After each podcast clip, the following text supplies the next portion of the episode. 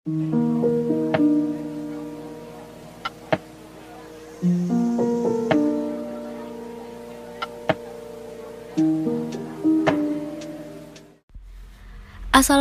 warahmatullahi wabarakatuh. Halo semuanya. Kembali lagi bareng aku Rahelia Putri Wibowo Di podcast Sejarah Dunia. Oke, di sini aku akan membahas satu topik menarik Yaitu tentang masa kejayaan dan keruntuhan Ottoman Empire Atau biasa dikenal dengan Kesultanan Utsmaniyah Topik pembahasan kali ini agak sedikit berat ya Tapi nggak apa-apa Ilmu yang akan disampaikan bakalan berguna kok setidaknya menambah pengetahuan kalian. Membahas dan mengulik sejarah adalah hal yang menyenangkan. Sama seperti kita saat ini, kita akan mengulik tentang sejarah Kesultanan Utsmaniyah. Kalian penasaran nggak gimana sejarahnya? Dengerin terus ya sampai habis. Pertama-tama, di sini aku akan menjelaskan tentang sejarah berdirinya Kesultanan Utsmaniyah atau biasa dikenal dengan Kekaisaran Ottoman Empire. Pada paruh kedua, abad 6 Masehi, bangsa Turki yang berasal dari Turkestan melakukan migrasi besar ke wilayah Asia Kecil. Migrasi ini membawa mereka tinggal di sepanjang sungai Amudarya, Tabaristan, dan Gorgan. Kontak pertama orang-orang Turki dengan kaum muslimin diperkirakan mulai terjadi pada masa pemerintahan Umar bin Khattab. At-Tahbari menginformasikan bahwa Sah Baras salah seorang pemimpin orang-orang Turki telah membuat perjanjian damai dengan kaum muslimin pada masa Umar bin Khattab. Setelah perjanjian tersebut, Sah Baras beserta para pengikutnya bergabung dalam pasukan muslim menuju Armenia. Pada masa pemerintahan Utsman bin Affan, konversi orang-orang Turki masuk ke dalam Islam menjadi lebih besar. Setelah pembebasan wilayah Tabaristan dan Transosiana oleh pasukan muslim, Orang-orang Turki yang memeluk agama Islam dan bergabung dengan pasukan Muslim menjadi lebih banyak dari sebelumnya. Pada dasarnya, wilayah kekuasaan Utsman adalah sebuah buffer zone antara Seljuk dan Bizantium yang saling bermusuhan. Kondisi ini menjadikan Utsman dan anggota sukunya selalu dalam keadaan siaga dari serangan Bizantium, yang sebenarnya serangan ini ditunjukkan untuk Bani Seljuk. Kondisi ini juga yang mendorong Utsman untuk melakukan ekspansi ke wilayah Bizantium dengan tujuan untuk membendung ekspansi Bizantium ke wilayah Utsman maupun ke Bani Seljuk sendiri. Sepertinya, bagi Utsman, cara bertahan terbaik dari ancaman Bizantium adalah dengan bergerak masuk ke wilayah Bizantium dan menjadikannya sebagai wilayah kekuasaan. Lama-lama, wilayah Utsmani yang kecil menjadi bertambah luas Kekuasaan itu yang mulanya hanya difungsikan sebagai penyangga perbatasan antara Bizantium dan Bani Seljuk telah mencangkup dan cukup untuk menggentarkan. Pertambahan luas wilayah dan kemenangan-kemenangan dari pertempuran melawan Bizantium telah menimbulkan daya tarik bagi suku-suku Turki lainnya untuk datang dan bergabung bersama Utsman. Kesultanan Ottoman didirikan oleh Osman I seorang pemimpin bangsa Turki di Anatolia pada tahun 1299. Di arah barat laut, Anatolia ke bagian timur dari ibu kota Bizantium, Konstantinopel.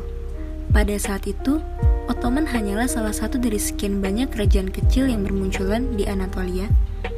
Dalam dua dekade terakhir, pada abad ke-13, di teritorial yang sebelumnya menjadi bagian kerajaan Bizantium. Osman I memperluas kekuasaannya dengan menginvasi dan menyatukan negara-negara merdeka di sekitar Anatolia di bawah pemerintahannya. Osman I mendirikan pemerintahan resmi dan mengizinkan rakyat di negara yang ditaklukkannya untuk memeluk keyakinan masing-masing. Pemimpin Kesultanan Ottoman disebut dengan Sultan. Gelar Sultan yang diwariskan kepada anak laki-laki tertua saat Sultan baru dilantik, ia harus memenjarakan semua saudara laki-lakinya. Lalu, jika ia punya anak laki-laki sebagai pewaris, semua saudara laki-laki tersebut harus dieksekusi. Agama punya peran penting di dalam Kesultanan Ottoman. Mereka adalah pemerintahan Muslim, tetapi tidak memaksakan rakyat di negara yang ditaklukkannya untuk mengubah keyakinan Hal ini dilakukan agar tidak muncul upaya pemberontakan dan bisa membuat mereka tetap berkuasa. Turki Utsmani merupakan sebuah kekhalifahan yang sangat kuat dalam sejarah Islam. Kerajaan Turki Utsmani kala itu menguasai semenanjung Arab hingga dengan Asia Selatan. Dinasti Turki Utsmani berkuasa cukup lama, sekitar 625 tahun. Turki Utsmani pernah berjaya di bawah pimpinan Sultan Mahmud II yang dikenal sebagai sebutan Al-Fatih atau Sang Penakluk. Sebab di masanya pemerintahan Islam berhasil menguasai Konstantinopel, kota yang paling tak pernah bisa ditembus di dunia kala itu. Oke teman-teman, itu dia sejarah singkat tentang berdirinya Kesultanan Utsmaniyah atau biasa dikenal dengan Kekaisaran Ottoman Empire. Gimana? Seru nggak? Masih banyak lagi sebenarnya sejarah yang bisa kita ulik. Tapi terlalu panjang jika kita jabarkan satu persatu. Sejarah itu aku ambil dari beberapa referensi buku dan website yang aku baca.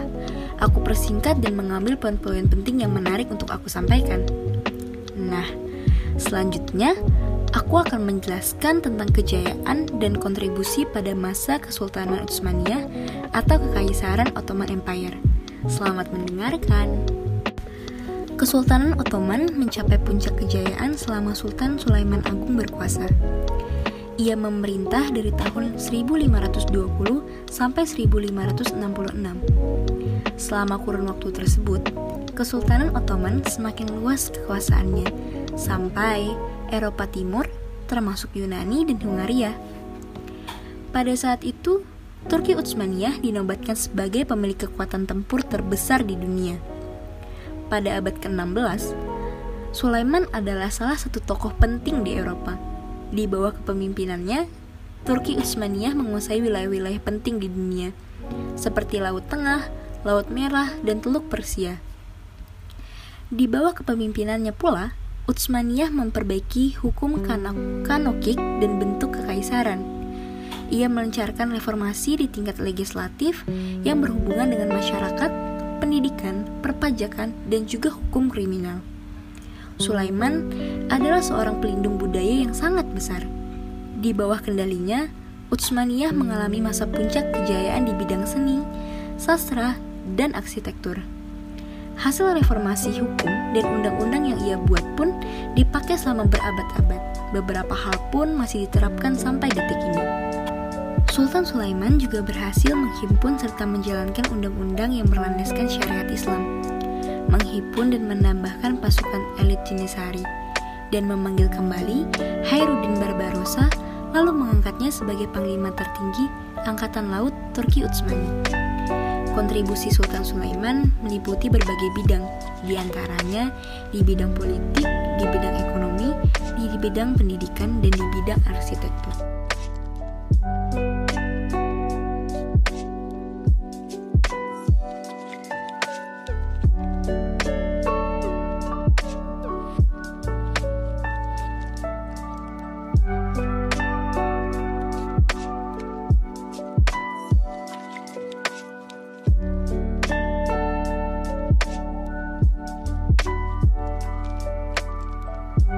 Runtuhnya Kesultanan Utsmaniyah terjadi begitu kompleks dan berlangsung dalam waktu yang cukup lama, hingga akhirnya benar-benar runtuh.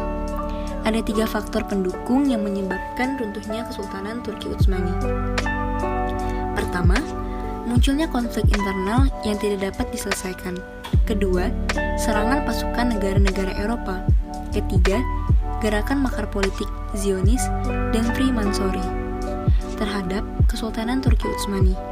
Di antara tiga faktor itu, maka faktor yang terakhirlah yang memainkan peran paling penting sebagai penyebab utama runtuhnya Kesultanan Turki Utsmani. Walaupun konflik dan serangan militer negara-negara Eropa membuat Turki Utsmani lemah, namun kedua hal ini tidak dapat menjadikannya runtuh. Runtuhnya Kesultanan Turki Utsmani adalah hasil dari usaha gerakan-gerakan yang muncul di Turki, yaitu Gerakan Turki Muda, Gerakan Itihad wa Turki, dan gerakan politik yang dipimpin oleh Mustafa Kemal Pasha. Ketiga gerakan di atas adalah merupakan mantel dari gerakan Freemansori yang ada di Turki. Ketiga gerakan itu mempunyai ciri yang sama dengan gerakan Freemasonry, yaitu mendirikan gerakan nasional yang sekuler. Alasan utama gerakan Freemasonry dan Zionis untuk meruntuhkan Kesultanan Turki adalah untuk menguasai negeri Palestina, yang merupakan daerah kekuasaan Kesultanan Turki Utsmani. Daerah ini akan dijadikan negara bagi bangsa Yahudi. Selama Kesultanan Turki Utsmani masih ada, maka cita-cita Sionis dan Freemasonry tetap mengalami hambatan dan rintangan. Begitulah singkatnya penyebab dari keruntuhannya Kesultanan Utsmaniyah atau biasa dikenal dengan Ottoman Empire. Setelah keruntuhan ini terjadi, banyak sekali pengaruh atau warisan yang ditinggalkan. Kira-kira apa ya? Yuk kita bahas. Pertama, Istana Topkapi. Topkapi merupakan karya terbesar Kesultanan Turki Utsmani dibangun dengan arsitektur khas Turki yang mempunyai taman-taman indah yang menghubungkan antara satu bangunan dan lainnya. Kedua, Istana Dolmabahce. Istana ini dibangun di Istanbul. Dolmabahce dibangun oleh Sultan Abdul Majid I pada tahun 1843 hingga 1856.